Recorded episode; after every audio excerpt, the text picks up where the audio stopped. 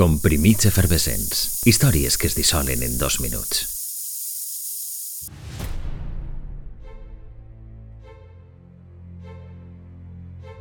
En qüestió d'una setmana ja havia venut un milió de cançons. La més descarregada fou Stuck in a Moment, dels irlandesos U2, o U2, com els coneixem per ací. Cada dimarts des de fa 14 anys actualitza el seu catàleg. Un 28 d'abril la companyia Apple obria les portes de la seva botiga musical en línia. L'Apple Music Store.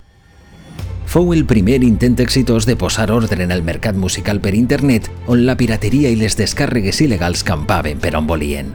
Apple havia arribat a un acord amb cinc discogràfiques de referència mundial per a distribuir uns 200.000 títols. D'esta manera, l'imperi de la poma comença a vendre cançons a un euro. I no li anà malament. Un any després aplegava els 100 milions de descàrregues. El 2005 aplegarien el podcast i l'any següent els vídeos musicals i les pel·lícules. El negoci era una mina però en paral·lel irrompirien noves plataformes com ara Spotify que revolucionarien la manera d'escoltar música. Començava l'era de la tarifa plana.